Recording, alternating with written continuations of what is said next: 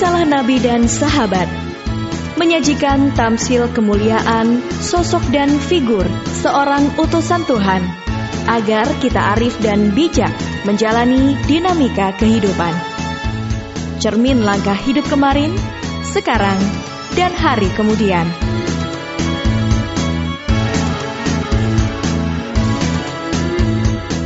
Risalah Nabi dan Sahabat, Risalah Teladan.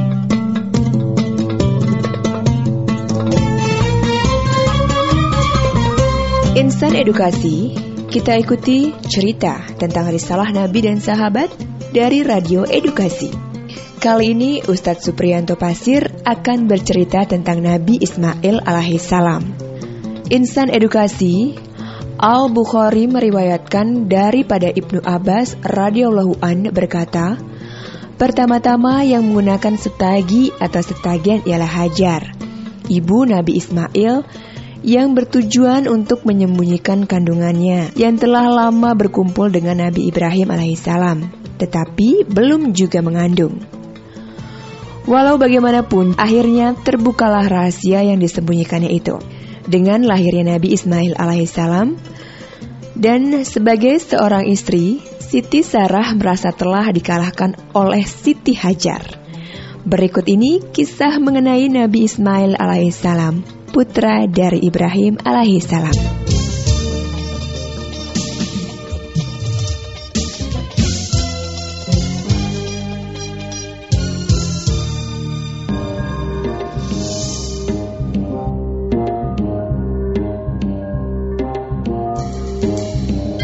Assalamualaikum warahmatullahi wabarakatuh Insan edukasi Kita sampai pada cerita tentang Nabi Ismail alaihissalam. Kita tahu bahwa Nabi Ismail alaihissalam adalah putra dari Nabi Allah Ibrahim alaihissalam Dengan istri beliau Hajar. Dan bercerita tentang Nabi Ismail Tentu kita tidak bisa meninggalkan cerita tentang Makkah Al-Mukarramah karena awal dari kisah itu juga terjadi ketika Nabi Ibrahim alaihissalam mendapatkan perintah Allah untuk meninggalkan Nabi Ismail yang masih bayi bersama dengan ibundanya Hajar di sekitar tempat yang sekarang bernama Makkah Al-Mukarramah itu. Nah, insan edukasi kita tahu bahwa Nabi Ibrahim alaihissalam tentu sangat sedemikian sedih harus meninggalkan istri dan anak beliau yang masih kecil itu di sebuah padang yang sangat tandus. Tapi inilah perintah dari Allah yang kadang akal pikiran kita sulit untuk membaca ada apa di balik perintah Allah tersebut. Tapi kita tahu insan edukasi bahwa Nabi Nabi Ibrahim alaihissalam adalah seorang nabi yang sangat taat, yang sangat mendengar apa pun yang disampaikan oleh Allah Subhanahu wa taala. Kita juga ingat insan edukasi bahwa Nabi Ibrahim alaihissalam adalah seorang nabi yang sangat teguh dengan pendirian beliau. Maka ditinggalkanlah Hajar dan Ismail itu di Makkah Al-Mukarramah. Satu tempat yang tandus, satu tempat yang siapa pun tidak ingin untuk tinggal di tempat itu. Tapi itulah Allah punya rencana-rencana yang memang manusia kemudian harus menjalaninya. Dan kita tahu insan edukasi bahwa keberadaan Nabi Ismail dan juga ibundanya Hajar inilah nanti yang menjadi sebab atau menjadi lantaran munculnya air zam-zam di dalam sebuah cerita yang sudah sangat familiar bagi kita semua bahwa ketika Ismail kemudian haus bersama dengan ibundanya Hajar maka beliau harus berlari-lari sampai tujuh kali antara bukit Sofa dan Marwah karena beliau mengira ada sumber air yang mungkin dapat diminum yang ternyata hanyalah fata morgana.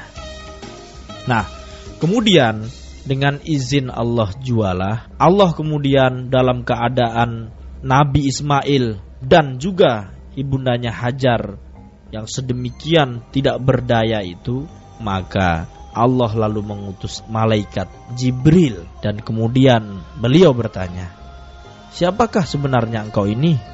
Maka Hajar menjawab bahwa aku adalah istri dari Ibrahim alaihissalam. Kemudian malaikat Jibril bertanya, "Kepada siapa engkau dititipkan di sini?" Maka Hajar menjawab, "Aku dititipkan di sini kepada Allah Subhanahu wa taala." Maka Jibril lalu berkata, "Jika demikian, maka engkau telah dititipkan kepada zat yang maha pemurah lagi pengasih yang akan melindungimu, mencukupi keperluan hidupmu dan tidak akan mensia-siakan kepercayaan ayah putramu kepadanya.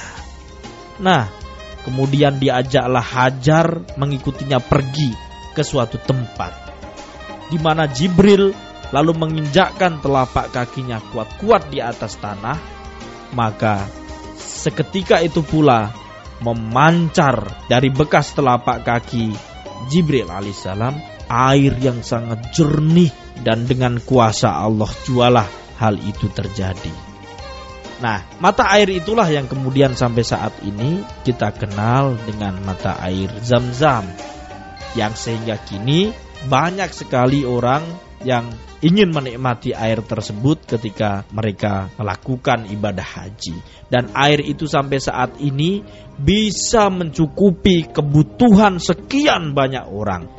Penduduk Makkah maupun tamu-tamu Allah yang berhaji ke Baitullah Al-Haram. Insan edukasi, Anda masih terus mendengarkan siaran dari radio edukasi BPMR. Insan edukasi yang dirahmati Allah.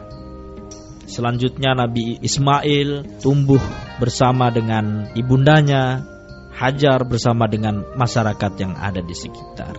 Sampai kemudian Nabi Ismail pada usia balik dan saat itu Nabi Ibrahim alaihissalam mengunjungi dan menjenguk Nabi Ismail bersama ibundanya. Sebagai orang tua, kerinduan terhadap anak istri tentu adalah sesuatu yang sangat wajar. Nah, di sinilah kemudian cerita tentang keimanan dan kesabaran kedua Nabi Allah ini, Nabi Ibrahim dan Nabi Ismail, juga tentu ibunda Nabi Ismail Hajar diuji oleh Allah Subhanahu wa taala. Kita tahu insan edukasi, Nabi Ibrahim mendapatkan perintah dari Allah melalui mimpi beliau itu agar beliau berkenan menyembelih Ismail, anak yang sangat diharapkannya, anak yang pernah ditinggalkannya di padang pasir, lalu anak yang tumbuh kemudian menjadi anak yang remaja, balik diminta oleh Allah Subhanahu wa taala disembelih dan dipersembahkan kepadanya. Nah, insan edukasi, Nabi Ibrahim mendapat perintah itu tidak lalu sewenang-wenang langsung menyembelih Nabi Ismail, tetapi bertanya kepada Ismail dengan menyampaikan mimpi yang beliau terima. Wahai anakku, tadi malam ayah bermimpi bahwa ayah sedang menyembelih dirimu. Maka sekarang pikirkanlah dan bagaimana pendapatmu nak? Nabi Ismail kemudian menjawab dengan jawaban yang luar biasa.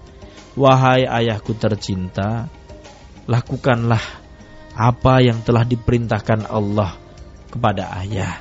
Insya Allah aku termasuk orang-orang yang sabar.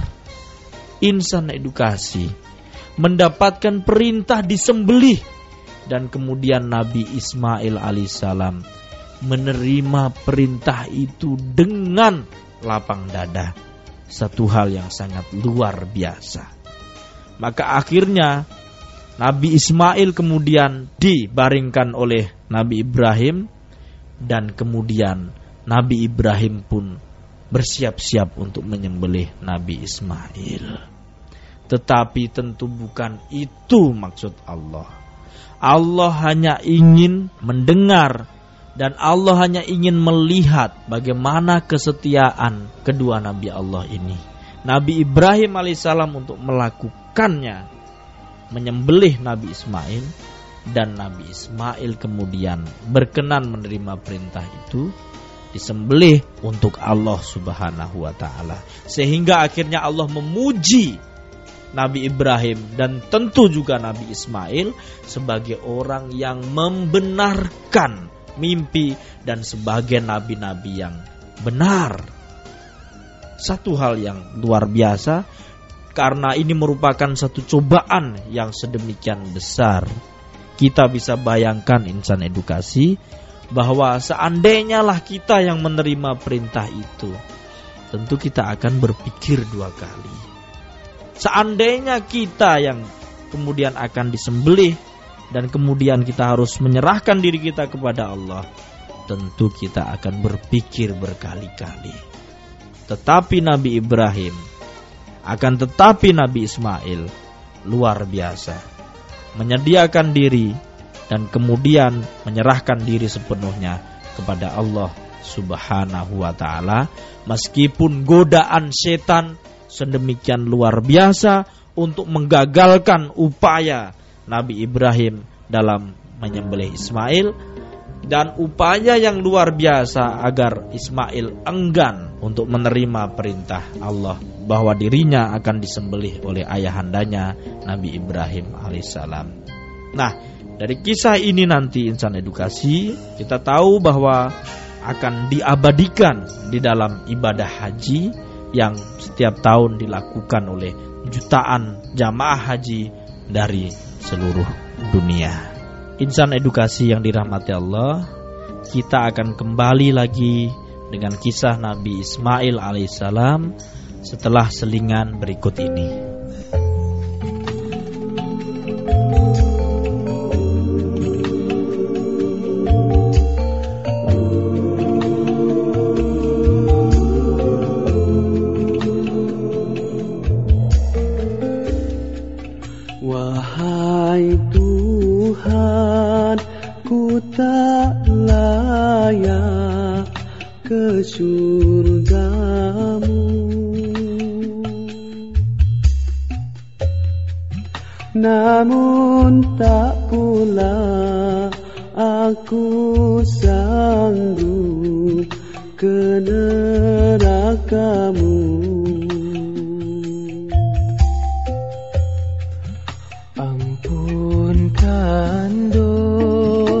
aku terimalah taubatku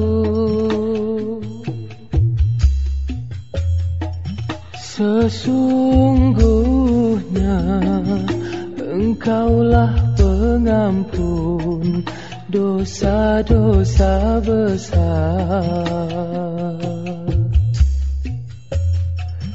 Bila hilang. للفردوس.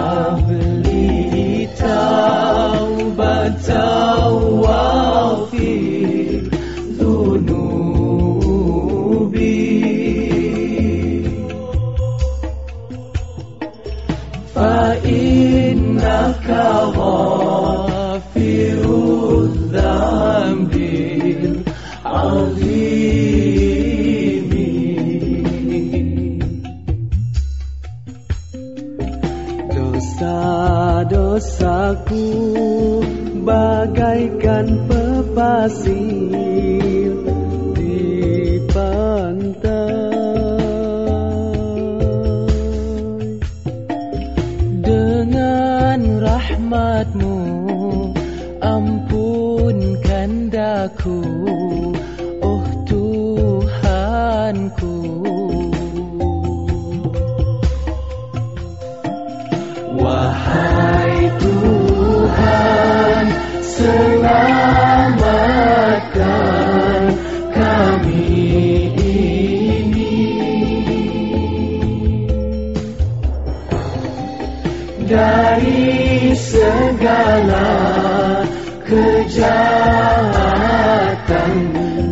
dan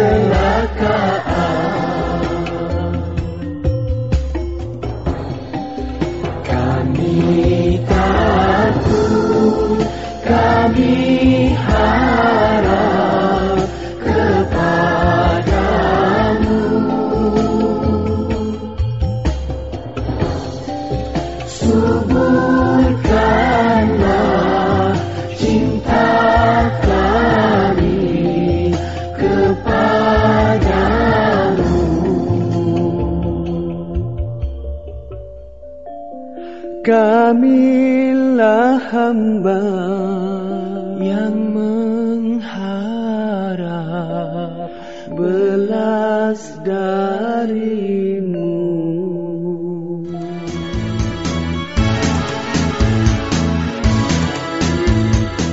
Risalah Nabi dan Sahabat, Risalah Teladan.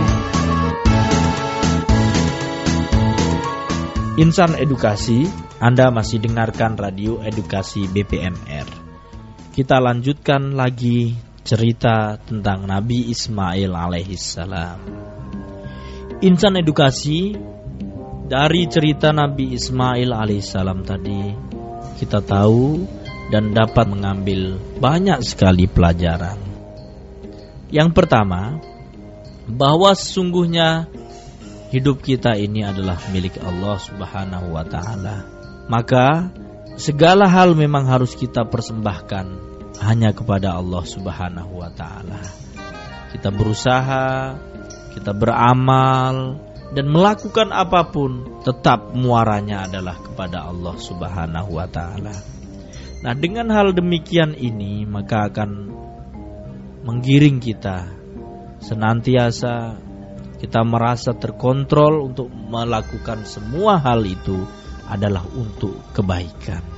Seperti Nabi Ismail yang kemudian mendapatkan satu perintah yang sangat berat dan ketika beliau anggap bahwa itu merupakan perintah Allah, maka dia akan sabar menerima perintah itu.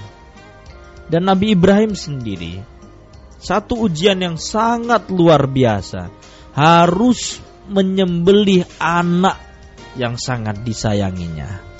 Namun ternyata kecintaan terhadap anak itu tidak menghalangi kecintaannya kepada Allah. Ini pelajaran kedua yang dapat kita ambil bahwa apa pun di dunia ini kemudian jangan sampai menghalangi ibadah kita kepada Allah Subhanahu wa taala. Apalagi hanya hal-hal yang remeh-temeh sifatnya, acara menonton TV, acara-acara yang lain tentu tidak boleh meninggalkan kewajiban kita beribadah kepadanya. Sehingga betullah ketika kemudian Al-Quran mengatakan bahwa anak dan istri serta harta benda itu bisa membuat seseorang lalai dari beribadah kepada Allah. Dan Nabi Ibrahim alaihissalam lulus mendapatkan ujian dari Allah ini karena kecintaan beliau kepada putranya Nabi Ismail tidak mengalahkan kecintaan beliau terhadap Allah Subhanahu wa taala. Lalu pelajaran apa lagi insan edukasi yang kita dapatkan bahwa Allah Subhanahu wa taala itu ingin manusia atau umat-umat pada masa itu dan masa-masa berikutnya agar mereka jangan melakukan pemujaan kepada sesuatu yang dianggap Tuhan lalu dengan melakukan penyembelihan-penyembelihan persembahan-persembahan manusia untuk dewa-dewa perempuan-perempuan perawan untuk dibunuh dan dipersembahkan kepada dewa-dewa. Tidak. Dengan adanya kisah Nabi Ibrahim yang batal kemudian menyembelih Nabi Ismail karena sesungguhnya bukan itu yang diinginkan Allah maka dari cerita itu sesungguhnya mengandung satu pesan bahwa manusia tidak patut dikorbankan untuk sesuatu. Termasuk juga di antaranya adalah sebagai bukti pengabdian seseorang kepada Allah. Dari sini Islam menolak adanya berbagai macam persembahan-persembahan yang dilakukan oleh agama-agama yang ada yang saat itu memiliki ajaran-ajaran persembahan-persembahan dengan mempersembahkan manusia sebagai persembahan. Ini beberapa hal yang dapat kita lihat dari kisah Nabi Ismail alaihissalam. Insan edukasi dari cerita ini maka kita akan mendapatkan banyak hal tentunya. Apa arti sebuah pembenaran terhadap ajaran Allah? Apa arti keikhlasan? Apa arti kesabaran dalam kita menerima berbagai macam cobaan dari Allah Subhanahu wa taala di balik adanya semua nikmat-nikmat yang telah diberikan kepada kita semua insan edukasi, saya Mas Pasir berharap bahwa cerita ini akan menjadi semangat hidup kita untuk bisa melakukan pengorbanan dalam pengertian upaya selalu mendekatkan diri kepada Allah Subhanahu wa taala. Selebihnya mudah-mudahan cerita itu akan mendatangkan manfaat, akan bisa kita ambil hikmah serta ibrahnya. Wassalamualaikum warahmatullahi wabarakatuh. Insan edukasi, mukjizat dari Allah yang menegaskan bahwa perintah pengorbanan Ismail hanya suatu ujian bagi Nabi Ibrahim dan Nabi Ismail sampai sejauh mana cinta dan taat mereka kepada Allah. Ternyata keduanya telah lulus dalam ujian yang sangat berat itu. Nabi Ibrahim telah menunjukkan kesetiaan yang tulus dengan pengorbanan putranya. Dalam keadaan bingung dan sedih hati karena gagal dalam usahanya menyembelih putranya, datanglah kepada Nabi Ibrahim wahyu Allah dengan firman-Nya, "Wahai Ibrahim, engkau telah berhasil melaksanakan mimpimu. Demikianlah kami akan membalas orang-orang yang berbuat kebajikan. Kemudian, sebagai tebusan ganti nyawa Ismail telah diselamatkan itu. Allah memerintahkan Nabi Ibrahim menyembelih seekor kambing yang telah tersedia di sampingnya dan segera dipotong leher kambing dengan parang yang tumpul di leher putranya Ismail itu. Dan inilah asal permulaan sunnah berkurban yang dilakukan oleh umat Islam pada tiap hari raya Idul Adha di seluruh pelosok dunia. Risalah Nabi dan sahabat telah disampaikan.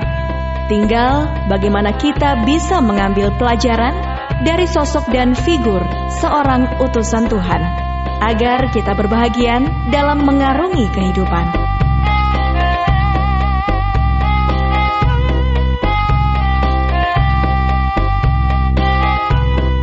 Risalah Nabi dan Sahabat, Risalah Teladan.